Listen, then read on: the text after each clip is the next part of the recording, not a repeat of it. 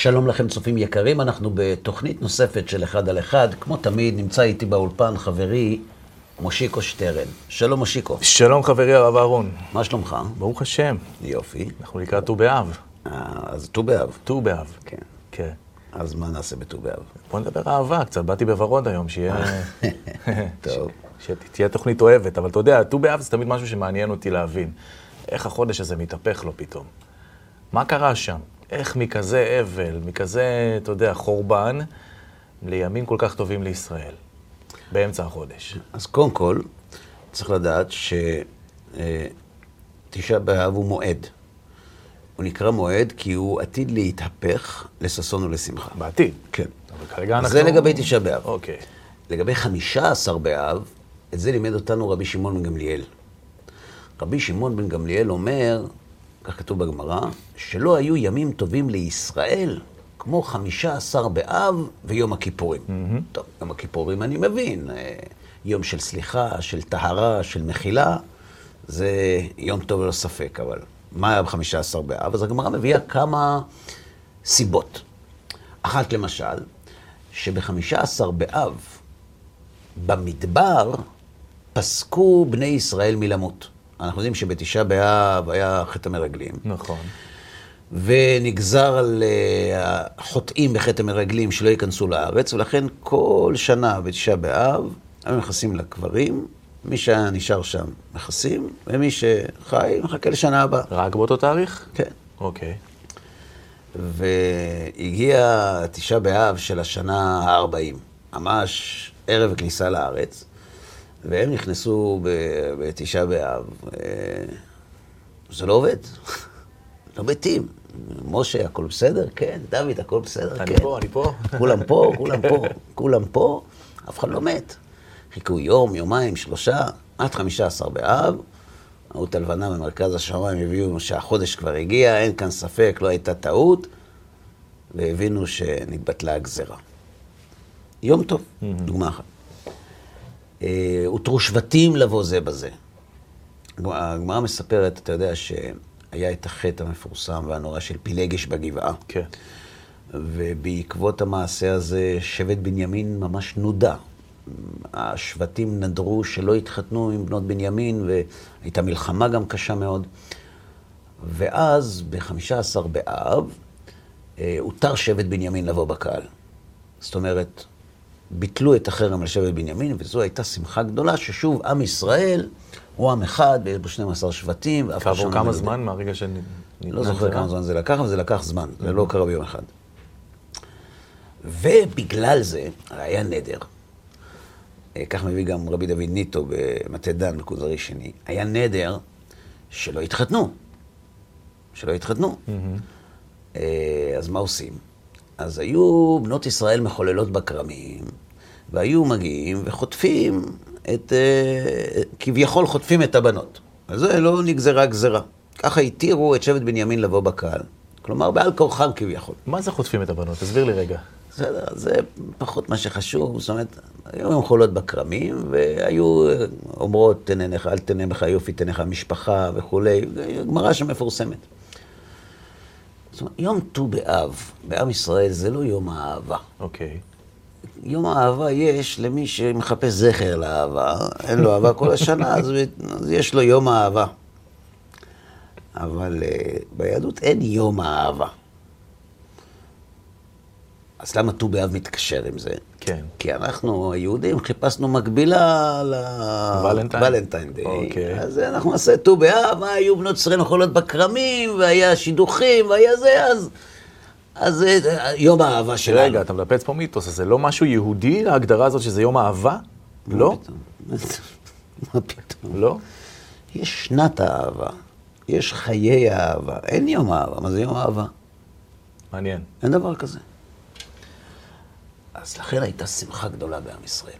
הייתה שמחה שעם ישראל, זה כמו בן עובד שחוזר הביתה, רק ברמה הלאומית. זו אחת הסיבות, יש שם כמה סיבות הגמרא מונה, וזו אחת מהן. לכן לא היו ימים טובים לישראל כ-15 באב. אוקיי. אז על איזה אהבה אתה רוצה לדבר? זהו. ברגע שניפצת לי את המיתוס, זה כבר לא יום אהבה, אז אוקיי, אז בוא ניקח את זה רגע לפינה חדשה. טוב. ומעניינת אותי לא פחות. בסדר. בסדר? אחד הדברים, ה- אתה יודע, עם ההתקרבות שלי עם השנים לחיק היהדות, ועם הלימוד איתך יחד, אני כל פעם שומע, מסבר את האוזן, מקבל היגיון על דברים, אה, אתה יודע, מושיב את זה בשכל. יש דבר שעוד לא התיישב לי בשכל, אני חייב להגיד לך. ממש רק, אבל. רק אחד. אחד. אחד החזקים. אחד החזקים. זה, זה אולי האחד. אבל לא, בין, ה- בין, ה- בין הבודדים שעוד נשאר לי איתם אה, סימן שאלה גדול. אה, והוא לא נשאר סתם, אנחנו נדבר על זה תכף, אבל בוא, בוא נתחיל רגע מה, מה, מה, מהכותרת הזאת. הרי ידוע שבמגזרים מסוימים, מגזר שאליו אתה משתייך, המגזר החרדי למשל, כן. נהוג להתחתן על ידי מנגנון שנקרא שידוכים. נכון, עד כאן אני צודק? בטח. יפה. עכשיו, אני יכול להבין מהחיים האישיים שלי, את אשתי הכרתי בסוג של שידוך. מה זה שידוך? בא חבר, מכר משותף, יש לי בשבילך מישהי להכיר, אני חושב שאתם מאוד, מאוד תתאימו, בסדר. אז הכרנו, וראינו שיש התאמה באמת, והלכנו באמונה שלמה לכיוון החתונה, אבל אתה יודע, לקח, אה, לקח זמן. שנה, שנתיים. לא, לא שנה, שנתיים, דווקא אצלי זה היה יחסית מהר, כמה חודשים, אבל זה לא היה שלוש פגישות. זה לא היה, אתה יודע, ישבנו אחד מול השני בבית קפה או בלובי של מלון, יאללה, בסדר, את תהיי אשתי. זה נשמע הזוי, אתה יודע, אתה חייב להודות. מהצד השני, להסתכל על הדבר הזה, לבחור אישה, שאיתה אתה הולך להקים בית, משפחה, ילדים, עתיד, הכל תלוי בזה, כל השושלת שלך. שלוש פגישות? ארבע? מה זה? לא נורמלי, אתה אומר. זה נשמע כזה. אוקיי. ועל מי אני סומך פה? על על השכנים? אבינו שבשמיים, באמת. על, על, על, על, על, על ההורים שלי שבדקו, שההורים שלה שבדקו את מה שצריך לבדוק, או אתה יודע, מה לא היו מקרים של... אה, וכשאתה הכרת את אשתך, על מי שמחת? בסוף על אבינו שבשמיים, אבל גם על ה- עצמך. נכון, אבל האינטואיציה שלי, ו- ועל ההיכרות... האינטואיציה אה, שלך. נכון. והשיחה, והיכולת... אה, אתה הגעת למסקנה, אתה הגעת למסקנה שאתם מתאימים. כן. הרגשתי את זה. כן. ובשידור, זה לא הם מגיעים למסקנה, זה ההורים מגיעים למסקנה. לא, אל תהיה ציני, אני אה, שואל לא, באמת. אני שואל, זה מה שאמרת. אני שואל באמת, אתה יודע, שלוש פגישות. בוא נעשה סדר. כן. יש לנו שתי צורות קלאסיות, מוכרות, שבהן גבר ואישה כן. אה, משתמשים כדי לבנות זוגיות. נכון. עזוב עכשיו, אין לנו כפפות, אנחנו לא באים להגיד מה טוב ומה לא טוב ומה יותר נכון ומה פחות נכון, מצלמים מצב. יש את ההיכרות העצמית. מה שקורה היום בעולם האחר, הוא פגש אותה, היא פגשה אותו, חבר הציע, לא הציע, פגש אותה שם, ראה אותה, ראתה אותו פה, ישבו, דיברו, מצאו חן, התחתנו. אפשרות אחת. אפשרות שנייה, שרוב הציבור בישראל רואה אותה רק בסרטים בטלוויזיה שעושים על החרדים כדי להאהיב את החרדים על הציבור. אה, שם מראים שידוך. עם כל ה... איך זה עובד? מה, פשוט ההורים נפגשים, מחליטים, נפגשים שתי שלוש פגישות, אורזים אותם, שולחים אותם על טיל, והכל יהיה בסדר. יש שידוך ויש היכרות. ההיגיון אומר, ההיגיון אומר מה שאתה אמרת. כן. השכל אומר שהסיכויים להצליח במסגרת זוגית של שידוך היא כמעט אפס. זה, זה כמעט הגרלה. כן, נשמע ככה. הגמרא מספרת שרבי יהושע בן חנניה דיבר עם המטרוניתא שהייתה בתו של הקיסר. אז אמר לו, תגיד, מה עושה הקדוש ברוך הוא מאז שהוא ברא את העולם? אז הוא אמר לה, הוא מזווג זיווגים, הוא שטחן. אז היא אומרת לו, מה, בשביל שטחנות צריך את הקדוש ברוך הוא? הנה, אני, יש לי שלוש, 300 עבדים, 300 שפחות, אני מחברת ביניהם. הוא אומר לה, תנסי. ניסתה, למחרת בבוקר, הוא- היא רואה את כולם עם פנסים. זה בלי עין, זה בלי ראש. כן. כן. זה, זה, זה מה שאמור לצאת משידוך. זאת אומרת, היא החליטה, אתה לה והיא לך, וקדימה, צאו לדרך. זאת אומרת, ההיגיון אומר שההיכרות האישית, המעמיקה, והחוויות המשותפות שנבנות לאורך הזמן, בלי הלחץ של להתחתן, גורמות לבני הזוג להכיר יותר טוב אחד את השני, ואז אם הם מתחתנים, זה כבר הרבה יותר, תמיד יש סיכונים, אבל זה כבר הרבה יותר, הסיכויים הם, הם, הם קטנים. ככה השכל אומר, נכון? המציאות הסטטיסטית מוכיחה, ואני מדבר על מחקר, שזוגות שחיו ביחד שנתיים לפני החתונה, הסיכויים שלהם להתגרש בשנתיים שלאחרי החתונה מזנק. כן. השאלה היא למה? הרי זה עומד בניגוד מוחלט לצפי שלנו, להיגיון שלנו. הרי הם, הם הרבה יותר מכירים. עכשיו, אני לא אומר שאצל החרדים הכל דבש. אין דברים כאלה. חרדים, חוץ מזה שהם חרדים, הם לפעמים גם בני אדם. ולבני אדם יש מכנה משותף. יש יצרים, יש כבוד, יש עקשנות, יש, יש, יש הרבה דברים. נכון. ולכן אני צופה ברמה הסטטיסטית הטבעית שאצל אנשים חרדים יהיו קשיים בזוגיות בדיוק כמו שיש אצל אנשים לא דתיים. לפחות. וזה נכון, זה באמת ככה. אתה רק טענת שצריך להיות אצלם יותר.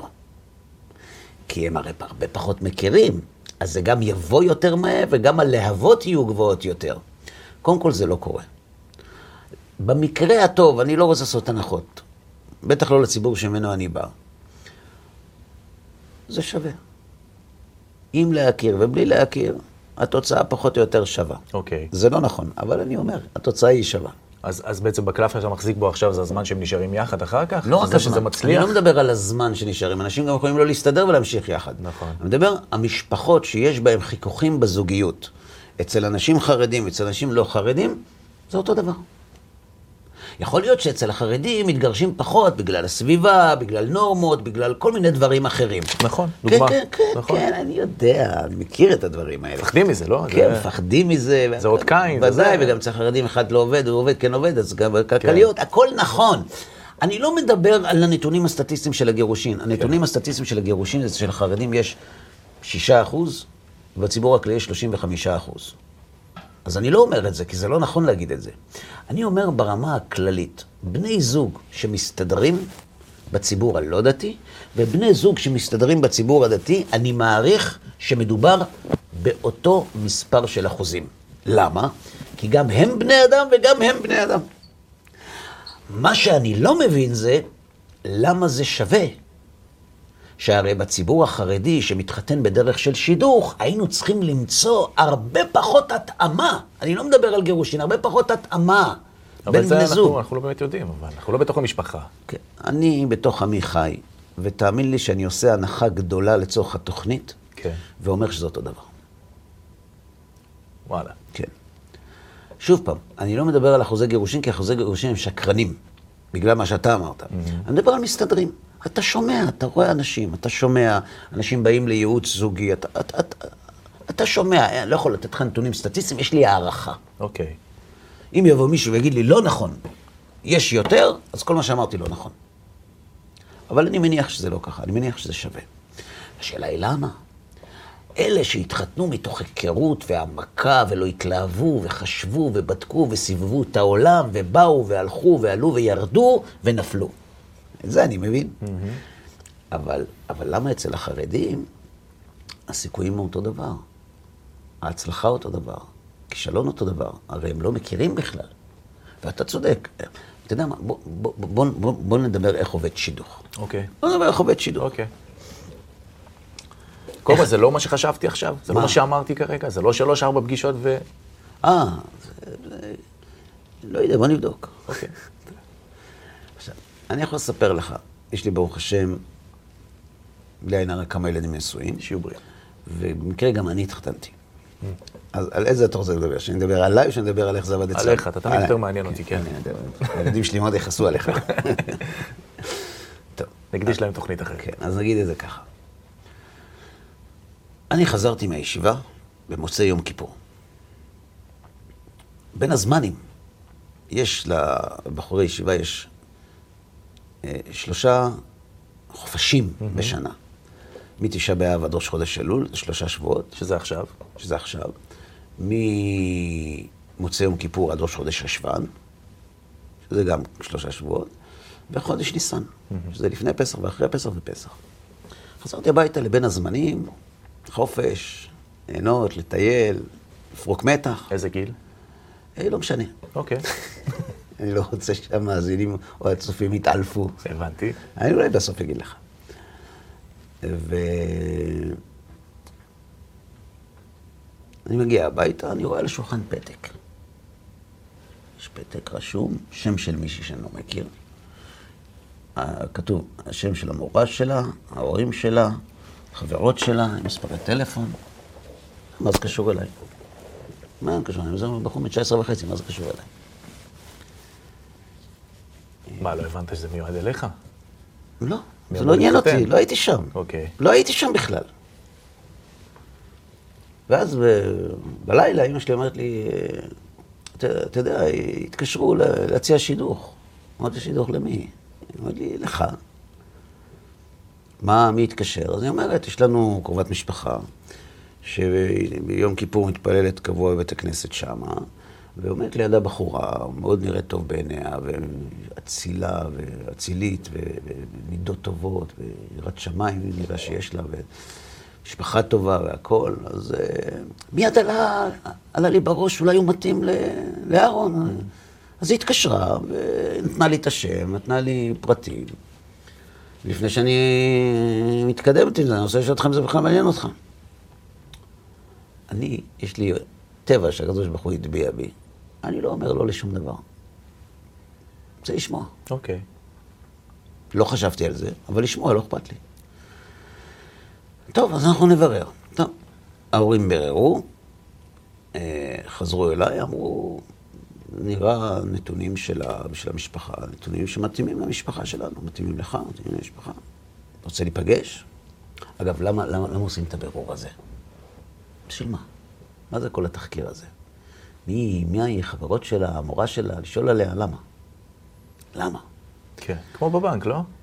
אה, כן, כן, נבדוק. שלא חדלת פירעון, מה כן, שנקרא. כן. לא, זה לא הסיבה. כשאדם גדל בבית של שמירת מצוות, יש לו מערכת ערכים מסוימת. כן. וגם בתוך עולם שמירת המצוות, יש סדר עדיפויות שונה אצל לא מעט אנשים. בציבור הכללי, כל החרדים זה אותו דבר, אבל זה לא נכון. ובשביל מה להיפגש ולייצר איזושהי התחלה, איזושהי התחלה של קשר רגשי, ופתאום מתברר שזה בכלל מתאים, סגנון חינוך אחר, מטרות אחרות בחיים. בשביל מה לעשות את זה? אז בואו נראה שיש התאמה, זאת אומרת, מה ההורים, מי הם, מה הם, איך הם חינכו את הילדים, הבחורה, המורה, מה השאיפות שלה, את מכירה אותה, איך היא, מה היא, ואז אם יש פחות או יותר התאמה, אז אפשר להמשיך הלאה. אז הם חזרו ואמרו לי, כן, אה, אם אתה רוצה, אתה יכול ללכת להיפגש. אז בשמחה.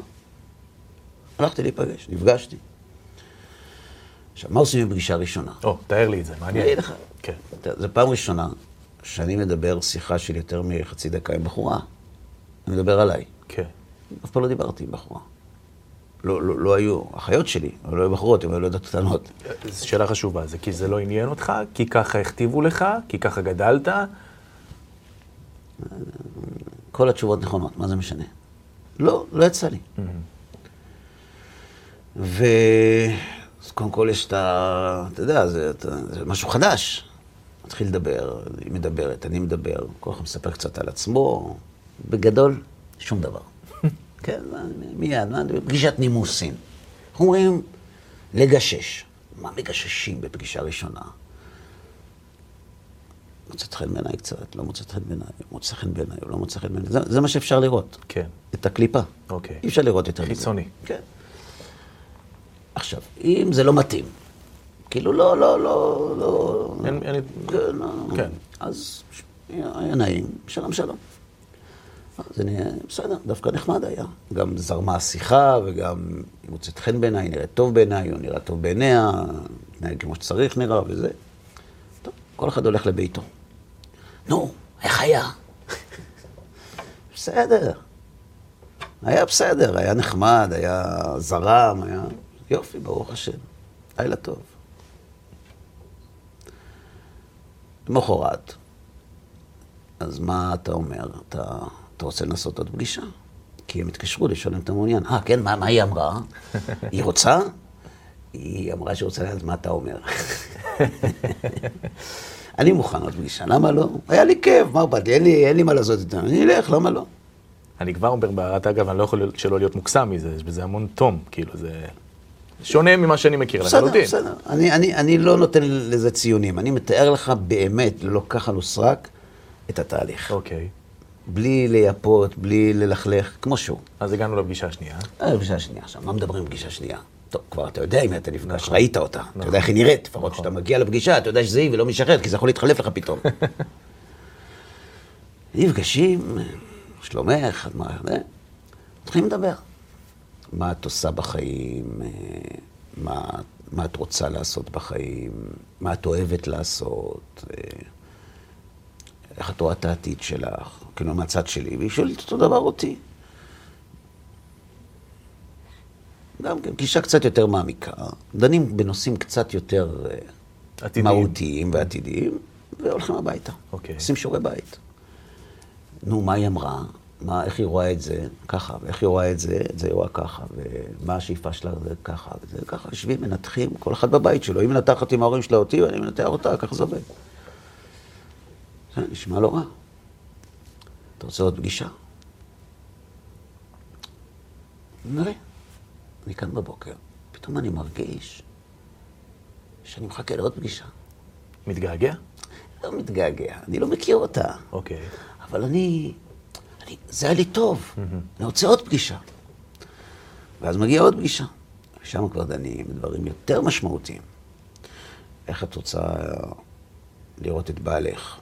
מה, מה הציפיות שלך ממני? שאני אלך לעבוד אחרי החתונה לפרנס, או שאני אשב ללמד תורה ואת תפרנסי, ו...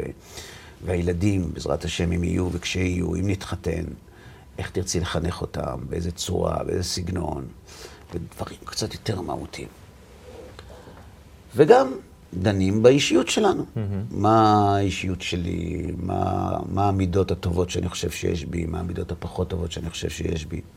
כל אחד מדבר על עצמו.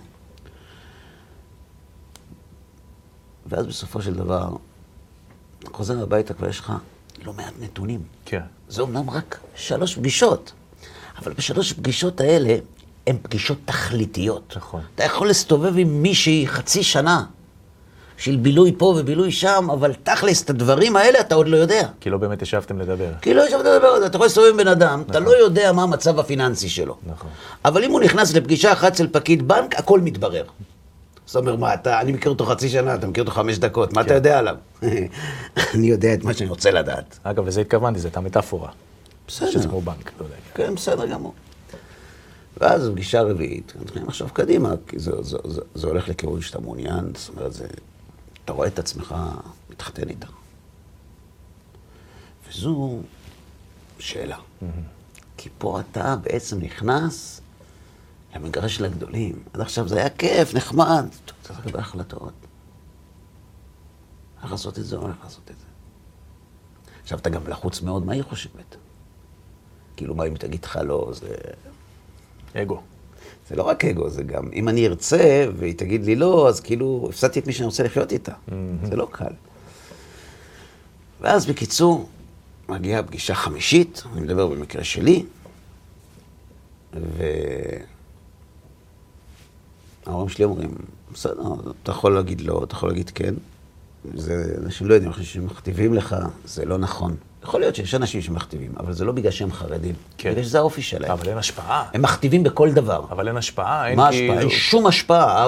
הורים אוהבים בחיים לא ינסו להשפיע על החלטה של הילד שלהם בדבר כזה. הם ייקחו את זה עליהם כל החיים שלהם. אתה רוצה מאוד שהוא יחליט כמו שאתה חושב. הוא לא חייב לעשות את זה לבד. הוא צריך לקחת אחריות. ואם אתה רואה שהוא מתלבט סתם, כי אולי זה לא הזמן, הוא נותן לי עוד כמה פגישות, ואני לא יודע. אז אם מה? אתה לא יודע, תחשוב. אם אתה רוצה להתייעץ עם מישהו, תתייעץ. יש לך רב, יש לך... תתייעץ. לא אנחנו. אנחנו ההורים. ואז, הוא אומר, כן, אני הולך על זה. אני הולך על זה. אני לא אמצא דבר כזה אף פעם. זאת האישה שאני רוצה לבנות את הבית שלי, האופי שלה, האישיות שלה, האצילות שלה, החוכמה שלה. זה אני רוצה. אוקיי. אז תשאל אותה אם היא רוצה. אז היום יש אה, הצעת נישואין. כן. זה בא מהגויים, זה בא. כזה דבר, תסלח לי.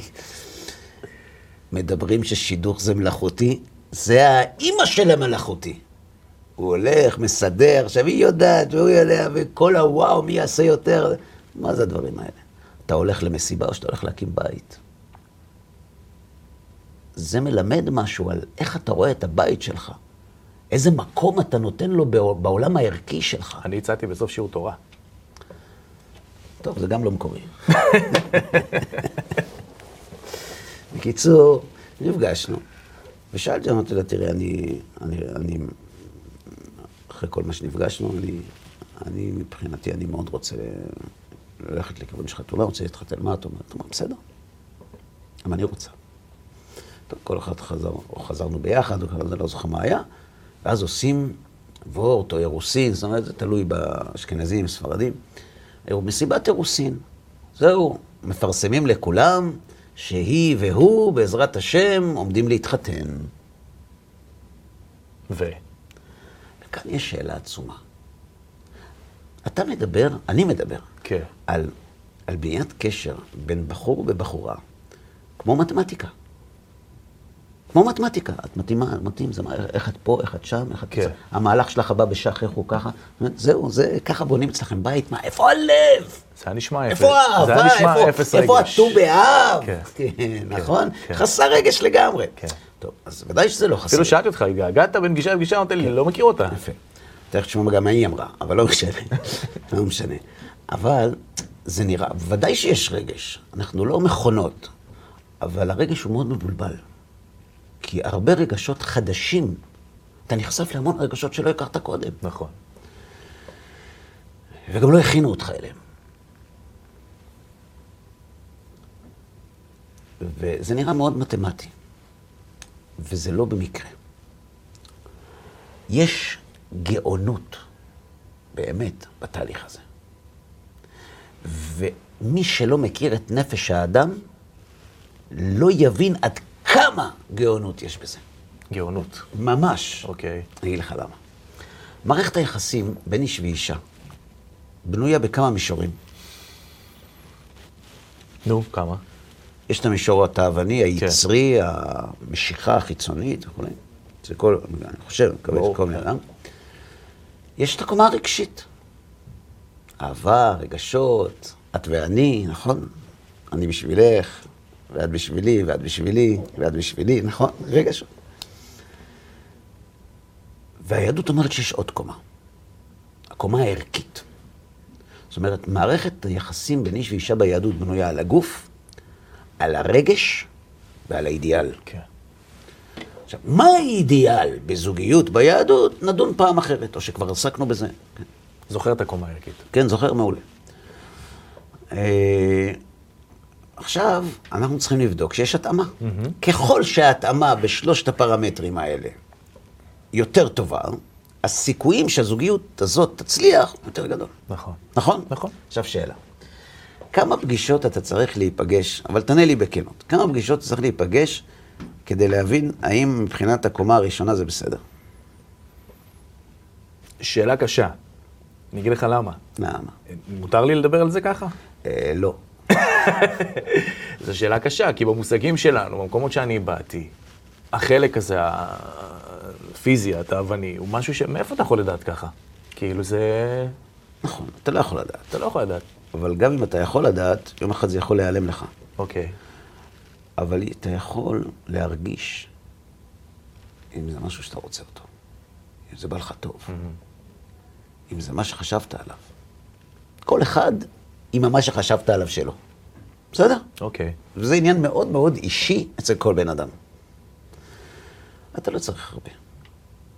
חיבור, אבל החיבור... אין חיבור, אני לא מדבר על חיבור. אני מדבר על מראה חיצוני. המראה שלה מוצא חן בעיניי. אני הולך להתחתן איתה, אבל אני לא יודע עכשיו אם... אני שואל שאלה... אל תתחתן, אני שואל אותך שאלה... שאלה, אתה יודע מה, אולי תקרא לזה שאלה של גוי. אני הולך להתחתן איתה. אז מה? כל החיים להיות איתה ברגעים לא. הכי זה, אתה יודע. בסדר, אבל זה לא משנה. אתה לא תוכל לדעת את זה גם אחרי שנה ביחד לא תוכל לדעת את זה, כי אתה לא יודע מה יודע חמש שנים. אני יודע את הפוטנציאל. אתה לא יכול, אתה יכול לראות בן אדם, אתה אומר לו, אתה התגרשת מאשתך, תגיד לי, מה, למה? מה, מה יש לה? מה לא בסדר אצלה? לא, זה לא... אבל תשמע, העטיפה זה לא הכל. Hmm. לא שמעת משפטים כאלה? או זה לא מה שהיה. כן, לא משנה. בשביל לדעת אם יש בסיס חיצוני, לא צריך יותר מכמה פגישות. האמת, כמו זה אגיד לך, אף אחד לא שומע, מספיקה פגישה אחת. אפילו חמש דקות, תסתכל, נחשוב, מושך, לא מושך, ממשיכים הלאה. כן. כמה צריך פגישות בשביל לבדוק האם האידיאל משותף? יותר, יותר. בטח. עד שמקיפים את הנושאים נכון. הגדולים, ופחות או יותר בודקים. נכון. זה לוקח עוד ארבע פגישות. אז למה חמש פגישות לא מספיק? לא בגלל התאווה ולא בגלל האידיאל, בגלל הרגש. בגלל הלא מתמטיקה. ובחמישה מפגשים אתה לא יכול לפתח רגשות יותר מדי. זה נכון, זה נכון. אבל מה האלטרנטיבה? אז הוא אומר לי, תשמע, יש היכרות, כמה חודשים, שנים. כאן אני רוצה לחזור לסטטיסטיקה. מבחינת הקומה התאוונית והקומה האידיאלית, השידוך לא נופל מכל היכרות אחרת. כן. אז על פניו, המקום היחיד שבו טוב. יש, אפילו יותר טוב, המקום היחיד שבו יש עדיפות להיכרות על פני השידוך זה בקומה הרגשית. נכון. אין. אין? טכנית יש, הם יותר זמן ביחד. אוקיי. אבל אין, אתה יודע למה- למה? אין? למה אין? מעניין. בגלל הסטטיסטיקה. אוקיי. הרי אנחנו אמרנו בתחילת התוכנית, שאלה שחיים ביחד, שאין יותר מכירים מזה, כן. לפני החתונה, הסיכוי שלהם להתגרש יותר גדול. למה? הרי הם כן מכירים. אז מה, זה עבר להם? לא קונה את זה. יש סיבה אחרת, שטמונה בנפש האדם. מה? מיציתי? לא, לא, לא. מה זה שנתיים? מה מיציתי? מה פתאום? יש אוקיי. משהו אחר. יש משהו שמפחיד אחרי החתונה. והמפחיד הזה, אם לא מטפלים בו, יכול להביא אנשים למסקנות שליליות מאוד. כמו ששאלתי פעם חבר אחרי שהתחתן, איך, איך, איך החיים עכשיו? אמר לי, אותו דבר, רק עם טבעת. אז אמרתי לו, ואיפה הטבעת? הוא אומר לי, אצלי פה. זה לא נכון. הם לא אותו דבר. אני אסביר לך גם למה. הוא רוצה שהם יהיו אותו דבר. זה גם קשור לטבעת פה. אנחנו, בני אדם, כשאנחנו מסתכלים על בן אדם שמתנדב, כן. מתנדב, מגן דוד אדום, מתנדב, מתנדב. היה- יהודי יקר שהכרתי בארצות הברית, איש עסקים מאוד מצליח, היה טייס, כל שנה היה מגיע לארץ על חשבונו, לטייס מסוקים של צה"ל, אחד מהטייסות, בשביל להדריך, בהתנדבות, עושה מילואים. אוקיי. לא ויתר על זה. וכששחררו אותו, הוא בא גם בלי זה. כן. להתנדב. יום אחד הוא אמר לי שהוא יותר לא חוזר לארץ. הוא יותר לא, הוא גמר עם ישראל, שאלתי אותו למה, הוא אומר, רציתי לבוא, אמרו לי, לא צריך. אתה יודע מה זה לא צריך? אני בא על חשבוני, אומרים לי, לא צריך? איך אתה מסתכל על איש כזה? מציר רוח. בן אדם, תשמע, עוזב את העסק שלו, בא להתנדב. נכון. בסדר, נכון, מקבל מזה סיפוק, אבל הלוואי על כולנו ככה. חד משמעית. איך אתה מסתכל על מילואימניק שהולך עם הקיטבג ברחוב, הדרך למילואים, ומקטר על המדינה, ומקטר על המפקד שלו, ומקטר על הקצינה ומש"קית גיוס, ו... למה חתיכת פרזיט, מה 28 יום, גם זה לא טוב לך? נכון? איך אנחנו מסתכלים על שניהם? אומרים חז"ל, לא נכון. חז"ל אומרים, גדול המצווה ועושה מאשר. יותר ממי שאינו מצווה ועושה. מי שלא חייב ועושה מרצונו זה יופי, אבל הוא לא גדול. אתה יודע מי גדול ממנו? מי שחייב, ולמרות זאת הוא עושה. וזה גם מסביר את סטטיסטיקת הגירושים אצלכם. רגע, אל תגיד אצלכם שנתרגז. כאילו אתה באיזה מקום אחר, אבל לא משנה. אני רוצה להסביר את ההיגיון. כן. למה גדול המצווה ועושה? דיברנו כבר בתוכניות קודמות שהגן שהקדוש ברוך הוא שתל בנו, הגן האלוהי, עושה בנו סיבובים בתוך הגוף. אחד הסיבובים זו תכונת המרדנות. כן. כיוון שהבורא יתברך, אין מונע לרצונו, אין מי יאמר לו מה תעשה ומה תפעל. כשמישהו מנסה להגביל אותי, שיש בי את אותו גן, כביכול, אף אחד לא יגיד לי מה לעשות. מי אתה? מה רציתי מה לעשות? לכן יש מרדנות. כשמציבים גבולות לאדם, הוא רוצה לעבור אותם. נכון. כל זמן שאתה לא חייב לאשתך כלום. אתה לא חייב לה כלום, אתה עושה את זה מהלב. מאהבה אתה עושה לה את זה. אז uh, כיף לך. אתה לא מצווה ועושה. זה נותן לך סיפוק. אבל אז מתחתנים. הוא לא סתם אמר טבעת, הוא אפילו לא יודע למה. כשהוא שם לה את הטבעת על היד, זה אקט כזה טכני, נכון? לא נכון. באותו רגע שהוא אומר, הרי את מקודשת לי וטבעת זו כדת משה וישראל, באותו רגע, יש גם כאלה שאומרות לא, לא משנה, לא משה וישראל, אה, מתרחשת מוטציה בקשר הרגשי שלהם. עד היום הם הכירו אחד את השנייה בעולם רגשי של אינו מצווה ועושה. מהיום הם מכירים אחד את השנייה בעולם רגשי שבו הם מצווים ועושים. אתה יודע מה קורה לאנשים בעולם הרגשי שלהם שהם פתאום נהיים מצווים ועושים? לא רוצים. לוקחים דף, מתחילים לנהל יומן. מה אני נתתי? מה היא נתנה? הוא לא עשה את זה. אף פעם הוא לא עשה את זה. פתאום הוא מוצא את עצמו עושה חשבונות. אז הוא אומר, מה קרה לאהבה שלי? מה קרה לאהבה שלה? מה פתאום, אני עושה חשבונות? מה? אז איפה האהבה? מה קרה לאהבה? וזה כמו ארס של אחנאי נכנס בו. עכשיו, אם הוא לא מבין את המנגנון, מה המסקנה שלו? כבר לא אוהבים. אוהבים לא מתנהגים ככה, אוהבים לא מנהלים יומן. אם אני, מנהל, אם אני מנהל יומן והיא מנהלת לי יומן, אז אנחנו כבר לא אוהבים, אנחנו כבר לא אוהבים, אז בשביל מה אנחנו צריכים את כל זה? ואז העסק מתחיל להתקרר, וזה יכול להיגמר לא טוב בכלל. אבל אם הם היו יודעים שזה צפוי להגיע, זה צפוי להגיע. אתה חי עם אישה שנתיים, אתה לא מכיר בה כלום מבחינת המצווה ועושה. המוטציה הזאת משנה את כל המערכת הרגשית ביניכם. אז מה שווה שבזבזת שנתיים? בעצם אתה אתה אומר... הכרת אישה אחרת. בעצם אתה אומר שככל שאתה מעמיס יותר אורך זמן על החלק הזה בלי המצווה... על שאינו מצווה? בדיוק. אז ה- ה- ה- הקושי, הקושי האדפטציה עם הזאת... המצווה ועושה יותר גדול. וואו. עכשיו נחזור לשידוך. כן. כשאתה, כשאדם עושה שידוך, מתחתן דרך שידוך, העולם הרגשי שלו הוא לא כל כך משמעותי. יש, זה לא, זה נבנה, ובוודאי, זה לא, אם לא קורה כלום, אז זה מדאיג מאוד. אבל זה, זה, זה לא נבנה כמו המערכת הרגשית, שהם חיים שנתיים ביחד, אבל זה לא רלוונטי. כי גם הם יגיעו לטבעת, נכון. וגם הם יגיעו למצווה ועושה. אז מה צריך לבדוק לפני שאתה נהיה מצווה ועושה? מה? שני דברים. מה? אחד, שאתה יודע שאתה הולך להיות מצווה ועושה וזה הולך להיות אחרת. ב', שאתה בודק לפני שאתה נהיה מצווה ועושה בעולם הרגשי, כן. האם יש התאמה? האם ההכנה לעולם הרגשי של המצווה ועושה היא הכנה טובה? האם אתה בפוזיציה נכונה לפני שאתה קופץ? מה, מה תגיד לה בפגישה החמישית גט ממני לא תקבלי? לא, חס ושלום. אז מה? אני מנסה לומר שכשמתנהלים בדרך של שידוך, הוואקום בקומה הרגשית הוא יותר גדול מאשר אצל אנשים שהכירו לפני כן. כי הם לא, הם לא מרגישים כל כך אחד את נכון, השני. נכון. אז יש כאלה שאומרים, וואו, אז איך הם מתחתנים? זה הימור. הם לא מבינים שכשמכירים שנתיים לפני זה הימור לא פחות גדול, לפעמים אפילו יותר. בגלל ש... בגלל שהם היו לא מצווים ועשו, והם לא עשו את זה. והם חיים רק בעולם של מצווה ועושה, הם לא מכירים את השאינו מצווה. אתה יודע מה, מה, מה, מה אני...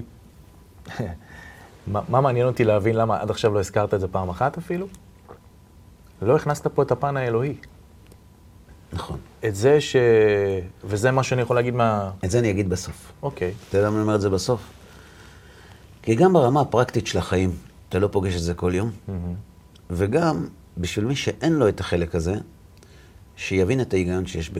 אם אני, אם אני מתחיל עם הקדוש ברוך הוא, אז מה, זה עובדתי, אז אין בעיה. לא, אנחנו לא מדברים, ודאי, אני מתחיל עם זה בחיים האישיים שלי. אבל כשאני מדבר עם בן אדם, שהוא לא נמצא שם, אני צריך לשמור את זה לסוף. כן. עכשיו אני רוצה לספר לך סיפור. חמי, עליו השלום, הוא לא גדל בבית חרדי. הוא גם לא גדל בבית דתי. ובאיזשהו שלב בחיים שלו, הוא חזר בתשובה. אוקיי. וגם כשהוא חזר בתשובה, הוא לא נהיה חרדי. הוא נשאר את החיים שלו, שומר מצוות. לא, זאת אומרת, ההסתכלות שלו לא הייתה, ההשקפה שלו לא הייתה חרדית. כל הנושא של השידוך היה זר לו. והוא הסתכל על התהליך הזה, מצד אחד בהשתאות, ומצד שני בחשש מאוד גדול. זו הבת שלו. עם מי הוא הולך לחתן אותה? וכולם מנהלים אותו, הוא, לא, הוא, לא, הוא לא יודע מי נגד מי. כן. ואז, כשהם יוצאים לאירוסין, חמך זה בגין בסלון? כן, אוקיי. כשהם יוצאים לאירוסין, אז הוא אומר לה, לאשתי, הוא אומר לה, תגידי, יכול לשאול אותך שאלה? לו, כן, אבא. תגיד, תגידי, כמה פגישות נפגשתם? אז היא אומרת לו, חמש. אז הוא אומר לה, ואת אוהבת אותו? אז היא אמרה לו, לא. אני אוהב אותו. זו כל התורה. וואו. וואו. זו כל התורה. פה נכנס הקדוש ברוך הוא לתמונה. אוקיי. אתה יודע שכשבני זוג מתחתנים, אנחנו קוראים לזה כורתים ברית. נכון. מה ההבדל בין שותפות לברית? מחויבות? בעולם הרחב זה לא ברית, זה שותפות. אה, אני מביאה את השם משפחה שלי, אתה מביא את השם משפחה שלך, אה, כל אחד את החשבון בנק שלו, זאת אומרת, יש שותפות. כן. יפה. שלא בסדר. לומר, הילדים אני, נישואים אני הכל לא נגד, כן. אני לא נגד, כן, כן. כל אחד איך שהוא רוצה. היהדות תובעת ברית, לא שותפות. עכשיו, מה ההבדל בין שותפות לברית? תשובה. שותפות זה עסק שקיים כל עוד שני בני הזוג מרוויחים את מה שהם רוצים להרוויח מהשותפות. ואם הם לא מקבלים את מה שהם רוצים, אפשר לעצור. אז גם אם הם לא מפרקים את השותפות, הם מהרהרים אחריה. נכון. האם היא הייתה כדאית? ברית זה שני אנשים שעושים שותפות. אבל הם אנשים חכמים.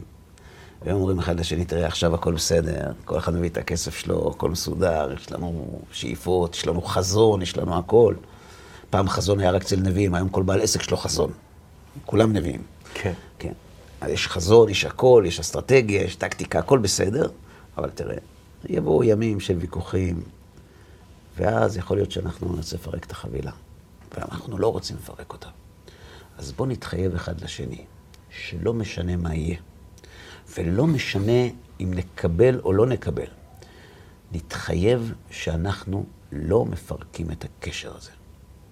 גם בימים שבהם אני לא מקבל מהשותפות את מה שאני רוצה. כי יבואו ימים כאלה. הברית הזאת לא באה לידי ביטוי בשותפות, אלא בימים שבהם אתה לא מרגיש, בימים שבהם אתה עושה חשבון ורואה שאתה במינוס, אז הברית צפה ועולה. וכדי שהאדם יתחתן לא על בסיס שותפות, אלא על בסיס ברית, הוא צריך את הקדוש ברוך הוא. למה? כי הקדוש ברוך הוא מלמד את האדם שיש ערך בזוגיות. בעצם הזוגיות יש ערך, ובזה עסקנו בתוכנית שדיברנו על זוגיות, בשתי התוכניות. נכון. וכאן הנושא הערכי נכנס לתמונה, והוא נותן לאדם את הכוח. מצד אחד יש את התאווה, מצד אחד יש את הערכיות. שניהם אמיתיים. ובתווך נמצאת הקומה הרגשית שבהדרכה נכונה הולכת ומתפתחת ונבנית. בעצם השידוך מאפשר לך לפלוש לעולם של זאת שאתה נפגש איתה, בלי להיות משוחד. כשאתה חי עם מישהי ומכיר מישהי ומבלה עם מישהי, על כל פשעים תכסה אהבה. יהיה בסדר, נסתדר, כי אתה כבר מכור. נכון. כשאתה מגיע לשידוך, אתה לא מגיע מכור. אתה, אתה גם לא אובייקטיבי, אבל אתה הרבה פחות לא אובייקטיבי ממי שכבר מכיר אותה הרבה זמן. זאת אומרת, תהליך השידוך נוצר להפוך את הסובייקט, להפוך את זה שמשתדך למעין צופה מן הצד בשידוך שלו. וזו גאונות. אז אלה שבסוף כן מתגרשים, מתוך המקום הזה, שעשו את כל המסלול שאתה מדבר עליו, עם הפן הזה, עם שלושת הרבדים. מה שקרה שם, זה פגם בתהליך, במהלך, ב... זה, זה, מה זה? תראה, אני לא פוסל את אופציית הגירושין. לפעמים הגירושין זה הדבר הכי נכון לעשות. אוקיי. אבל זה ללא ספק כישלון. כישלון מה? מודיעיני? לא. אני לא מחפש כישלון מודיעיני. כשאנחנו מסתכלים אחורנית כיהודים מאמינים, הכל היה חייב לקרות. הבחירה שלנו זה רק העתיד. אבל אתה בודק את עצמך. הייתה בעיה בקומה של המשיכה? לא. קומה רגשית, כן. בקומה הערכית, בדרך כלל זה הולך ביחד. אם אין תקלה בקומה הערכית, לא, כמעט לא יקרה שתהיה תקלה בקומה הרגשית. זאת אומרת, פה מגיע איזשהו מצב של דיסוננס, שהיא רוצה משהו, הוא רוצה משהו, זה שם? כן. זה מידות, זה לעמוד על שלך, מידות, שאין מה שישתיק אותם. Mm-hmm. כי הקומה הערכית הייתה מס שפתיים, היא לא הייתה אמיתית. Mm-hmm. מה, חסר בנות שאומרות, בנות חרדיות, אני רוצה בן תורה, אני רוצה מישהו שישב וילמד, אבל היא רוצה גם פנטהאוס שישה חדרים. אז אתה לא יודע לאיזה חלק, לאיזה אישה להאמין, כן. ולא נושאים שתי נשים. נכון. כן. זאת אומרת, לפעמים אנשים מדקלמים, וזה אתה לא יכול לדעת גם עם שלוש שנים ביחד. נכון. לפעמים אנשים מדקלמים ערכים, שהם לא שהם לא מאמינים בהם, הם חושבים שמאמינים בהם. אבל אז הם מגיעים לתכלס, ואז הם... לא יכולים לחיות ככה. אז יש כאלה שזורמים, ויש כאלה, כן, כן, כן. ויש כאלה שזה לא מצליח להם. ואז גם אין מה ש... אין מה, ש... אין מה שיבנה את העולם הרגשי, כי, כי אין מערכת הגנה. אז למה בכל זאת, ב... אה, במגזר, סליחה, אל תכעס עליי, יש איזה סוג של, לא הכרח, אבל יהיה מי שיעטוף אותם ב... חכו רגע, בוא נבדוק עוד פעם, בוא נעגל פינות, בוא ננסה, בוא נעשה... בוא... זה, בא, זה בא משתי סיבות. סיבה ראשונה, זה כגירושין, זו טראומה. אבל גם לחיות ככה זה טראומה. נכון. אז אוקיי, יכול להיות שתעשה את זה עוד חודש, עוד שנה, בסדר. אבל תמצה את כל האפשרויות לפני שאתה עושה את הצעד הזה. זו סיבה ראשונה. אוקיי. סיבה שנייה, אנחנו באמת מאמינים שאם הצלחנו להחדיר מוטיבציה ערכית בשני בני הזוג, לא רק שהם יוכלו לתקן את התקלה, הם יוכלו לרוץ איתה קדימה. Mm-hmm. במקרים שזה לא מצליח, זה כי אחד מבני הזוג לא מעוניין. נכון. אבל אם שניהם היו מעוניינים באמת לקבל על עצמם את הקומה הערכית בשלמות, זה כן היה מסתדר. ועכשיו שאלה קשה. ולמה אחרי הם הופכים להיות סוג ב'? מי? מי שהתגרש. טוב, אז זה שאלה אחרת, זה צריך לדון ביום הגירושין. אנחנו ביום אהבה עכשיו. אני רוצה ערב שמחה ושמחה. אם אתה רוצה לדבר על, אה, על המכאובים שיש בציבור החרדי, אפשר לדבר על זה כמה תוכניות. אפשר לדבר על כמה תוכניות. אז גם אם אתה צודק, אז זה לא בסדר, אבל זה לא קשור לנושא שלנו.